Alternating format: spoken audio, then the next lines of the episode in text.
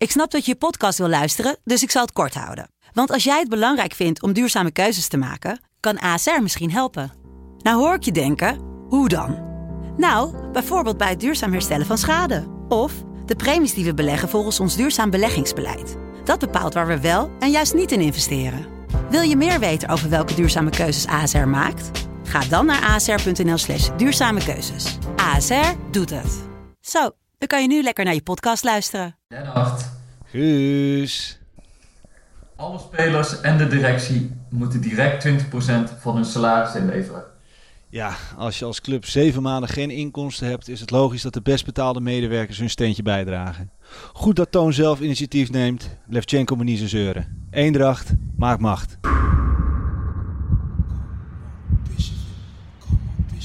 Everybody say, come on, It. Okay, okay, come on, it. Come on, it. Okay, okay, come on, it. Come on, it.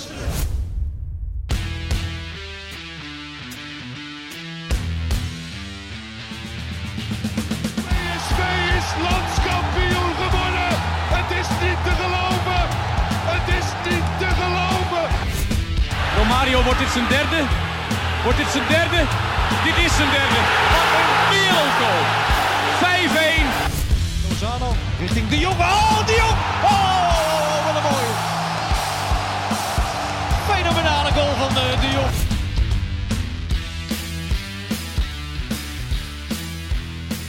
Welkom bij de 31ste PSV-podcast. En voor het eerst in de historie van onze podcast hebben wij een extra lange show voor je. Dat betekent niet één, maar twee delen van de 31ste PSV-podcast. Want als André ooit de gast is, dan weet je één ding zeker. Heerlijke verhalen, schitterende anekdotes en mooie herinneringen. We trappen deze tweedelige aflevering af met de actualiteit. De KNVB besliste na een zeer vlot verlopen peiling dat er geen kampioen aangewezen zou worden en ook niemand promoveert en degradeert. De competitie wordt definitief niet hervat, maar dat besluit kwam niet zonder slag of stoot tot stand. Verder gaan we het hebben over de verschillende rollen van André die hij in de afgelopen jaren bij PSV heeft gehad, want je hebt aardig wat gedaan. Zende. Nou, is Volks doorgelopen. Dat is op zich vrij simpel. En de treffer is er van Ooyer.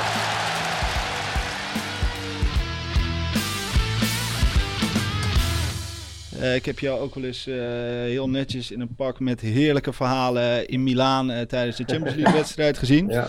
Nou ja, nu sta je weer op het veld, dus er is genoeg te bespreken. Maar eerst, ja, de KNVB besliste na een zeer vlot, maar niet heus verlopen peiling, dat er geen kampioen aangewezen zou worden. En ook niemand promoveert en degradeert. Wat, wat vind jij daarvan, André?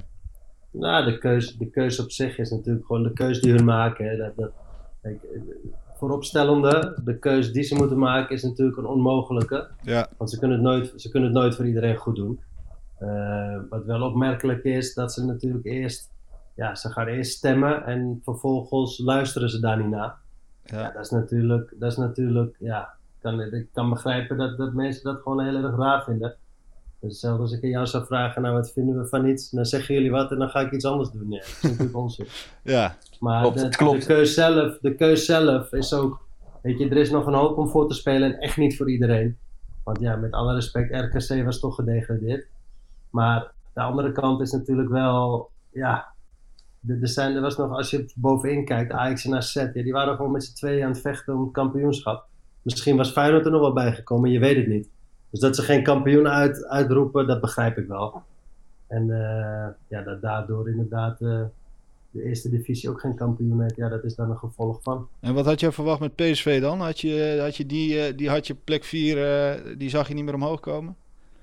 Nee, natuurlijk wel. Dat weet je natuurlijk nooit. Nee. Hè? Je, had nog, je, had nog, je had nog een paar cruciale wedstrijden voor de boeg staan. Hè? Daarom, we hadden En, nog uh, eh, vijf thuiswedstrijden ook, hè?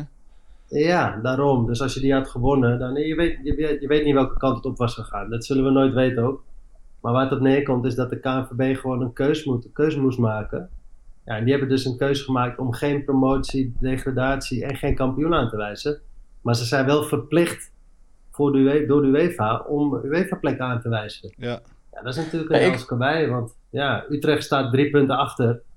Ja, die speelde volgens mij nog, wat speelde die tegen AZ of Ajax? Tegen Ajax. Ja, eh, zeg het maar. Hadden ze die gewonnen, hadden ze die niet gewonnen, zal je dus nooit weten.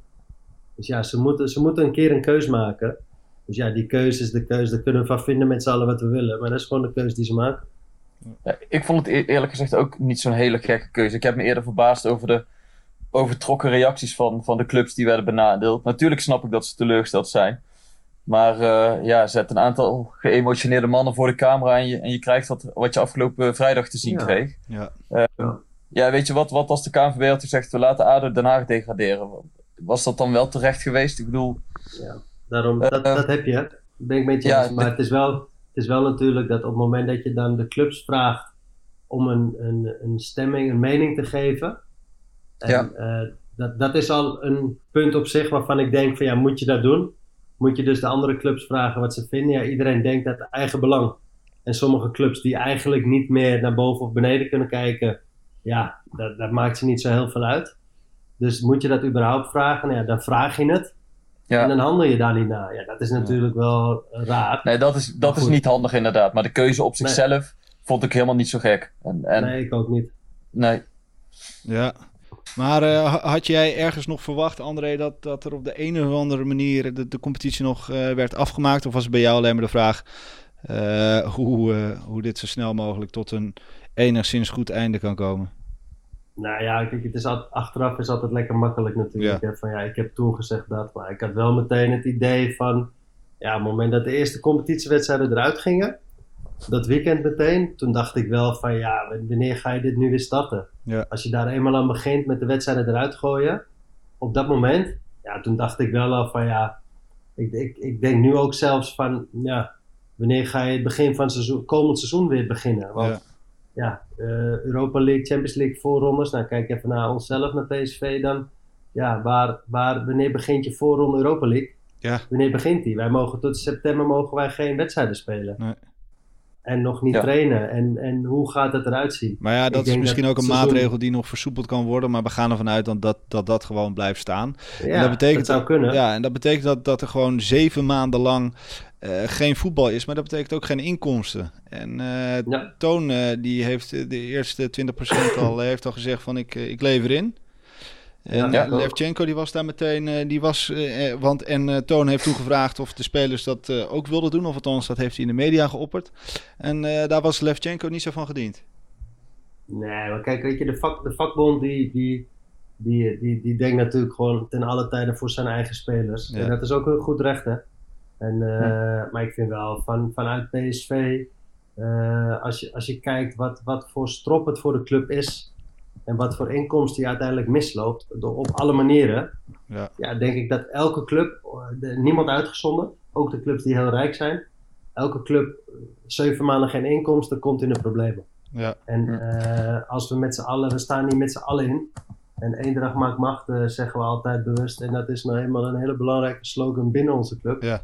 Ja, dan moet je dat ook met z'n allen doen. En, en ja, daar, daar hoor je als personeel bij, als supporter bij, als sponsor bij, maar ook zeker als speler bij. Want dat is uiteindelijk waar het om draait. En uiteindelijk moeten we het met z'n allen doen. Maar hebben jullie, hebben jullie ook al iets van de directie gehoord, André? Want Toon heeft gezegd, de directie gaat 20% inleveren zolang we zonder publiek voetballen. Ehm, Ja. Heeft hij al iets neergelegd bij al het personeel van PSV? Of hebben jullie daar nog niks over Nou, gehoord? dat, dat weet ik op dat moment nog niet. Ik weet dat daar gesprekken voor zijn. Maar ik weet wel, ik heb, ik heb zelf wel aangegeven bij John de Jong en bij Tom Gerbrands ook van ja, weet je, van mij hoef je niet eens te vragen, ik doe daar aan mee. ja, Want ja, wij, we moeten het gewoon met z'n allen doen. En eh, ik begrijp ook wel dat ik dan misschien wat makkelijker praten heb dan de rest. Dat zullen dan meteen weer de commentaren zijn van veel mensen. ja. Maar het is wel, eh, ja, ik, ik vind gewoon dat je er met z'n allen in staat. En iedereen moet zijn steentje bijdragen. En voor de een is dat wat makkelijker dan voor de ander. Maar iedereen heeft zijn eigen verhaal en heeft zijn eigen ding. ja. En eh, ik denk dat je met z'n allen gewoon goed in gesprek moet zijn. En dat je hieruit moet komen. En dat als we zo direct weer kunnen beginnen, dat, we, dat de club gewoon met een compleet door alle geledingen heen, met een goed gevoel weer kan beginnen. Ja. En niet dat, dat, dat, dat daar heel veel mis, mis, ja, misvormde dingen in gaan gebeuren. Ja, dat zou zonde zijn. Ja. Hm. Nee, goed, ja, nou ja, we hebben natuurlijk eh, eh, net al even gezegd wat je allemaal wel niet gedaan hebt binnen de club en wat je nu doet. Eh, Kan je ons een beetje nemen in, in eh, hoe jij na je carrière bij PSV weer bent terechtgekomen? Nou, ik ben heel, heel, heel eerlijk. In, eh, in 2012 stop ik. En eh, ik gaf dat, ik speelde op dat moment bij Ajax, gaf in, in januari aan dat ik ging stoppen. En eigenlijk op februari. En ik denk de dag nadat ik belde, of na de, de dag nadat ik zei dat ik ging stoppen met voetballen, belde Marcel Brands nog. Ja. En Marcel zei meteen, André luister, eh, je bent weggegaan net voordat ik bij PSV kwam. Maar je bent ook gewoon in mijn ogen gewoon een PSV'er. En ja, ik wil gewoon dat je weet dat je welkom bent binnen PSV. Ondanks wat, eh, wat er gebeurd is, wat er gezegd en geschreven is. En eh, eh, ja, ik wil gewoon dat je weet dat mocht je trainingscursus gaan doen, je kan hier stage komen lopen. Mocht je andere dingen binnen de club willen doen, je bent welkom om dat te onderzoeken. En ja, dat gaf me meteen een goed gevoel. En op het moment dat ik dus stopte met voetballen, toen was Philip Cocu trainer van onder 19. Ja. En eh Philip belde eigenlijk meteen in eh, september van André, eh, kom eens even lekker een dagje met me meelopen man, kijk wat je wil. Ja. Dat heb ik op een gegeven moment een keer gedaan, samen met Chris van der Weerden. Dat heb ik een stukje training gegeven. Nou, die, dat was twee minuten en die training liep al in de soep. Dat was echt verschrikkelijk. Die gasten die luisterden wel naar me, maar ik, op een of andere manier was ik gewoon die speler. En Ja, ja. ik natuurlijk half uit, waardoor Cocu en Chris echt compleet in de deuk lagen van ja, het is even iets anders om trainer te zijn. En toen, eh, ja, toen heb ik een jaar daarna belde Ruud Nistelrooy eigenlijk van Dre, we gaan een trainingscursus doen. En daar had ik eigenlijk niet zo'n oren namelijk, ja, in, in, ik had niet zoiets van ja, ik wil echt trainer worden. We- Ja, wat je was zo wilde overtuigend. Of, eh, Nee, ook niet. Helemaal niet zelfs. En eh, ja, toen, toen heb ik, ben ik de trainingscursus begonnen samen met Boudewijn Sen, Ruud en, en ik. En Bommel kwam er daarna ook bij. En eh, toen hebben we de trainingscursus doorlopen. En toen zijn we stage gaan lopen bij PSV. Ik ben onder 19 en Ruud onder 17. En eh, ja, vanaf dat moment ben ik eigenlijk met onder 19 wel een beetje verliefd geraakt op die leeftijd. Ik vind het gewoon een, een mooie leeftijd. Die zitten nog een beetje in de puberteit. Eh, die, die, die moeten de stap maken naar PSV 1. Eh, die kan je nog een hoop leren, Ja. maar je moet ze ook nog een hoop. Je, die, ja, die, moet, die jongens moet, kan je nog een hoop wijsmaken van. Ja, wat, wat, hoe, hoe kan je nou echt een topsporter worden? Nou, dat vond ik heel leuk. Maar uiteindelijk had ik geen zin om 24 uur per dag met voetbal bezig te zijn. Nee. En toen zei Marcel Brands eigenlijk van, eh, ja, kijk even of je in andere geledingen binnen de club mee kan lopen. En wat je daar wil doen. En toen ben ik eh, uiteindelijk bij Commercie terechtgekomen, mee gaan lopen. Ja, dat is wat je net noemde. Toen ben ik met de uitwedstrijden meegegaan als een soort van ambassadeur van de club. Ja. Champions League wedstrijden.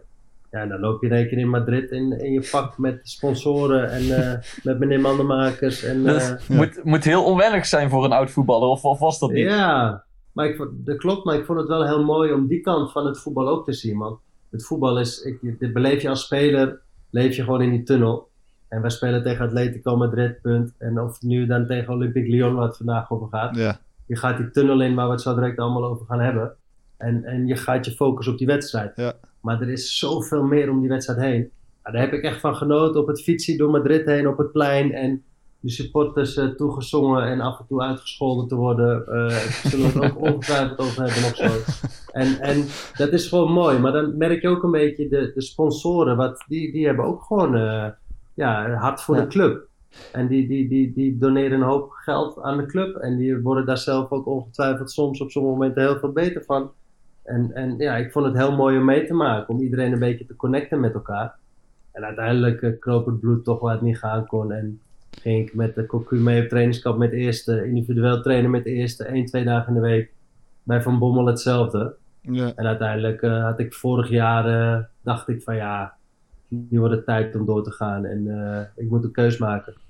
En toen Maar ik heel even- ja, André, heel maak- even terug naar dat eh, commerciële. Nog heel even. Ehm, wat heb je in die periode precies gedaan? Want je zal weinig commerciële ervaring hebben gehad op dat moment. Eh, Ja.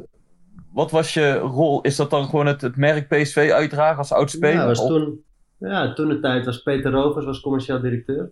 En Peter nam me mee naar afspraken. En af en toe, op het moment dat je bij sponsoren binnen wilde komen of op gesprek wilde komen, dan ging ik daar als oudspeler, belde ik gewoon de mensen op om te kijken of we daar een gesprekje konden komen. Uiteindelijk kwam Frans Jansen. Ja. En eh, met Frans hebben we dat wat, wat directer opgepakt. En ben ik echt accountmanager geworden. En eh, ja, had ik gewoon mijn eigen accounts en ging ik gewoon zelf met name voor nieuw business. Dus ik ging met name nieuwe bedrijven proberen aan ons te binden. Dus bepaalde eh, vakgebieden die we nog niet binnen onze club hadden, in ons sponsorhuis hadden. Ja, dan ging ik daarna op zoek en dan ging ik kijken of ik sponsoren binnen kon halen. Om te kijken of ik daar aan tafel kon komen. gesprekken aan kon gaan en kijken of ze bijvoorbeeld de stoel op de businessclub wilden kopen. Of dat ze eh, een business room wilden, wilden Ja. gaan huren. Of misschien wel gewoon eh shit sponsor willen worden. Eh, Ja. ja, we hebben met Otto Workforce ben ik toen in gesprek geweest om te kijken of die wat bij PSV wilde komen doen. En uiteindelijk hebben die een hele mooie Legends Lounge gemaakt in het stadion. En niet Ja. door mij, maar daar daar heb je dat contact gelegd en uiteindelijk gaan daar andere mensen mee door. En ik heb de stap naar het voetbal gemaakt en nu hoor je dat ze een mooie lounge hebben gemaakt. Ja. Ja, dat is gewoon super mooi. Je, klinkt, je klinkt wel meteen als een commerciële man, eh, André. Ja, maar ik vond het ook echt oprecht heel leuk om te doen. Ja. Alleen, het, het, ik, ik ben van, het, het, het- met, van voetbal uitgewend. Op het moment dat ik tegen jou zeg, ga naar links, dan wil ik dat je meteen naar links gaat en niet vraagt waarom. Ja. En in, in, in commercie is het van, ja, zullen we dit doen? Ja, ik stuur je wel een e-mail. Nou, dan stuurt hij een e-mail en dan moet je drie dagen wachten op antwoord. En dan ga je terug en dan is het ja of nee, maar dit, maar dat. En dan ben je drie maanden bezig met een deal.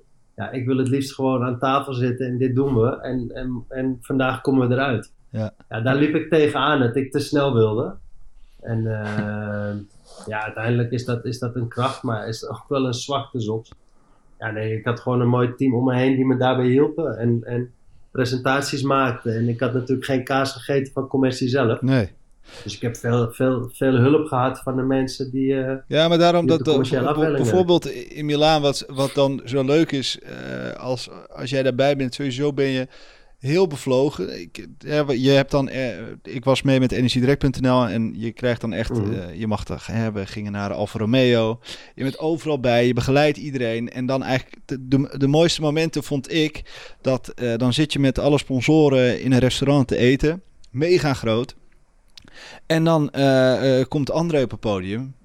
En die vertelt toch de mooiste verhalen. Ja, en dat, dat, is voor, dat is voor die sponsoren ook een reden om, om mee te gaan, weet je wel. Dat, dat jij daar op dat podium staat en al die mooie verhalen vertelt... die ze anders eh, nooit zullen Ja. horen, behalve bij de, bij de PCV-podcast natuurlijk. Ja, behalve bij deze podcast. En die moeten nog komen. Maar ik bedoel meer, dat, dat, dat was inderdaad, eh, dat, dat, waren, dat zijn de leuke dingen. Dan ben je ook op zo'n trip mee. En ook op zo'n trip wist je dan, ja, jij was daar met, met energiedirect.nl mee. Maar die wilde dan bijvoorbeeld, ik noem maar wat, eh, in contact komen met Philips. Ja. Ja, dan haalde ik de, de meneer of de mevrouw van Philips erbij met de meneer van eh, eh, Energy Direct. Ja. En dan zei ik tegen hun met z'n tweeën van kom, eh laten we even een kopje koffie drinken of een wijntje drinken. Ja.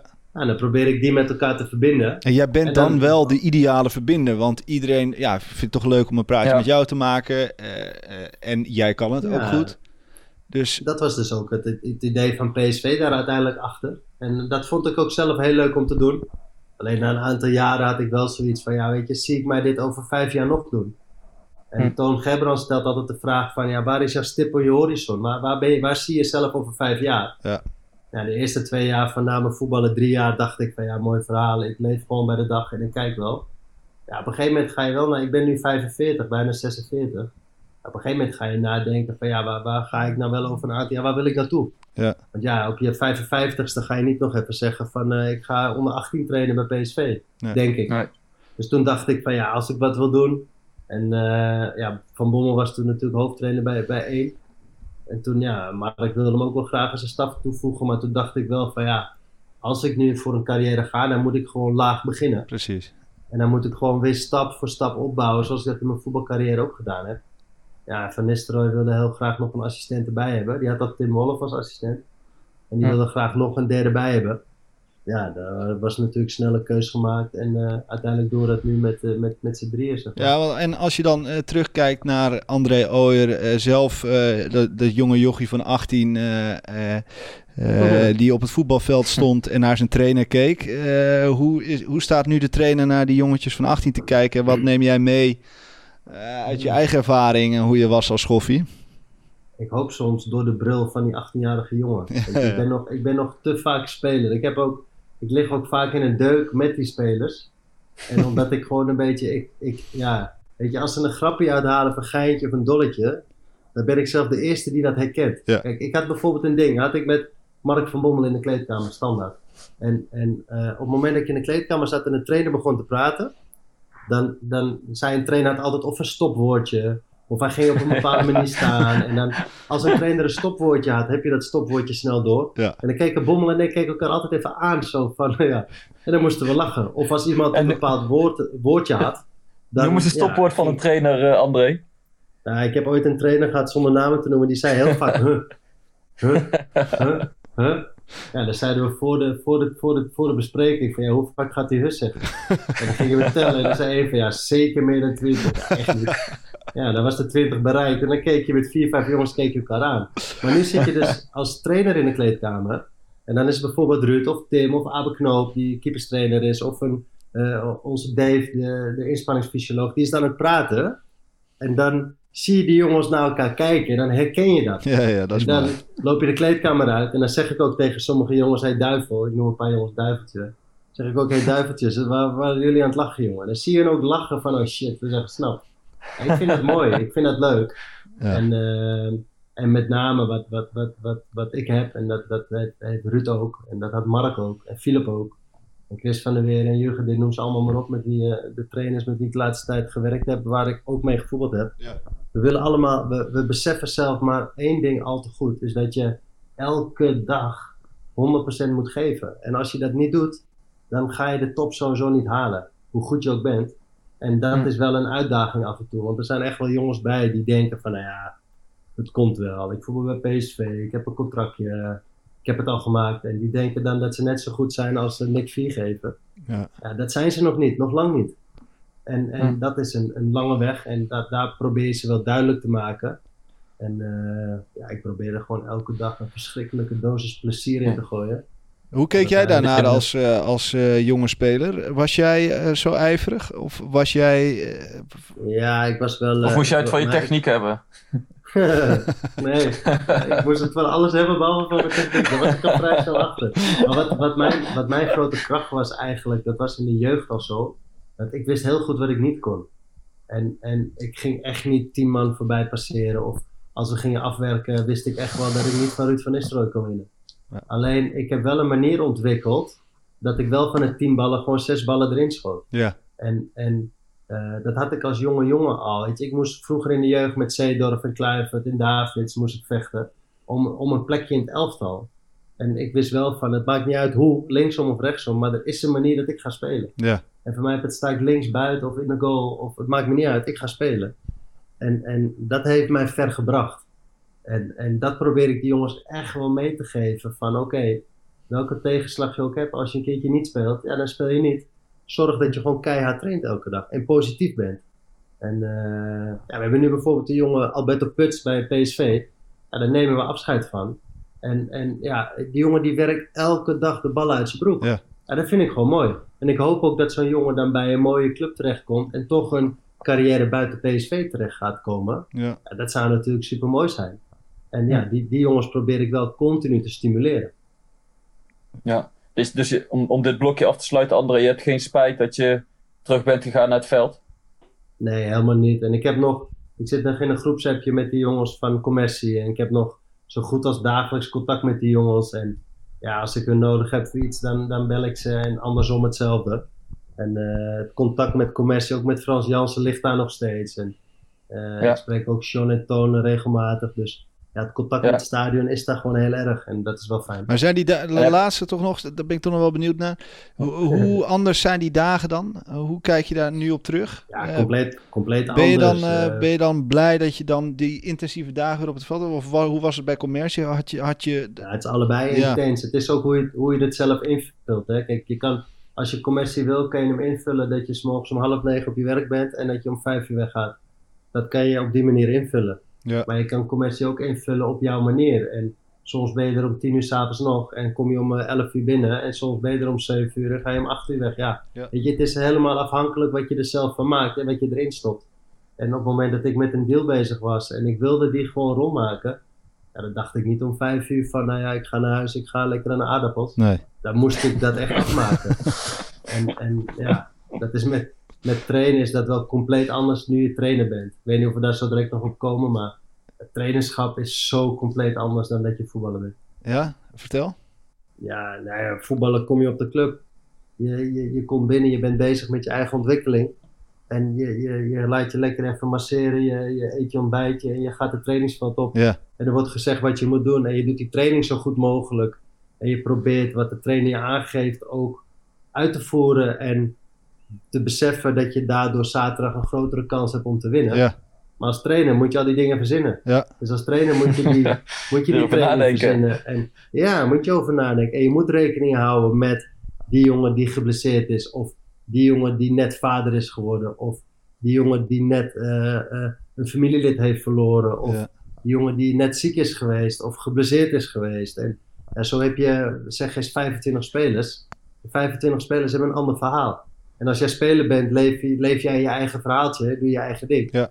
Nee, ik ben heel jong mijn ouders verloren. En dan, dan leef je in jouw eigen bubbel. Ja. En dan helpt een Guus Hiddink helpt jou met dat verdriet en het verwerken van dat proces.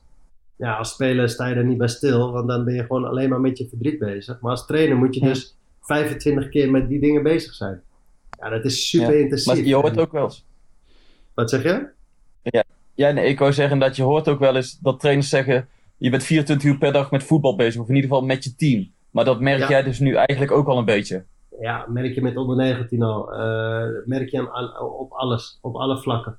En eh, dat, dat maakt het vak ook juist weer mooi. Zeker als je daar succes mee haalt. En succes hoeft niet meteen te zijn dat je kampioen wordt. Maar neem nu uh, Shurendi Sambo. Die heeft de stap doorgemaakt in de winterstop naar Jong PSV toe. Ja, die, die, die heb ik al eh, vijf jaar voorbij zien komen. Uit alle elftallen.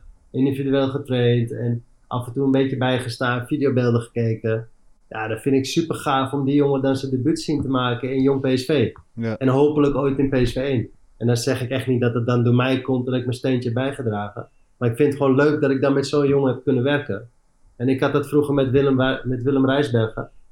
Ja, die heeft mij heel veel geholpen. Met Johan Cruijff, die hebben mij heel veel geholpen en gedaan. Ja. Ja, die, vonden, die waren super trots als ze mij dan een keer tegenkwamen ergens. Nou ja, dat heb ik met die spelers ook. Dat vind ik echt super mooi. Eh, Als laatste, wat is nou het moeilijkste als speler zijn en wat is nou het moeilijkste als trainer zijn dan?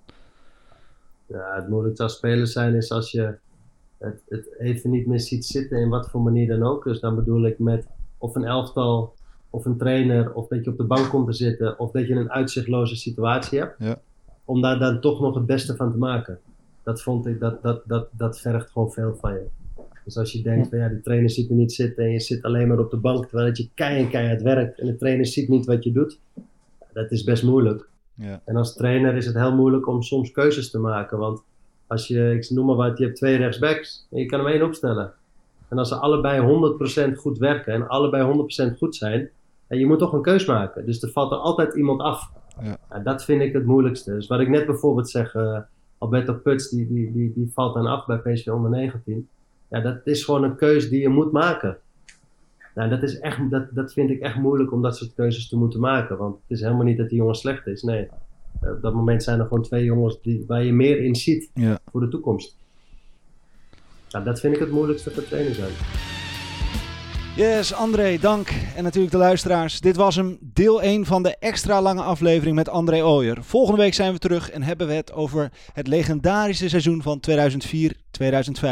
De wedstrijd tegen Lyon en is André voor het eerst sinds zijn vertrek naar Ajax open en eerlijk over Rutte en Reker die een zeer groot aandeel hadden in zijn vertrek bij PSV.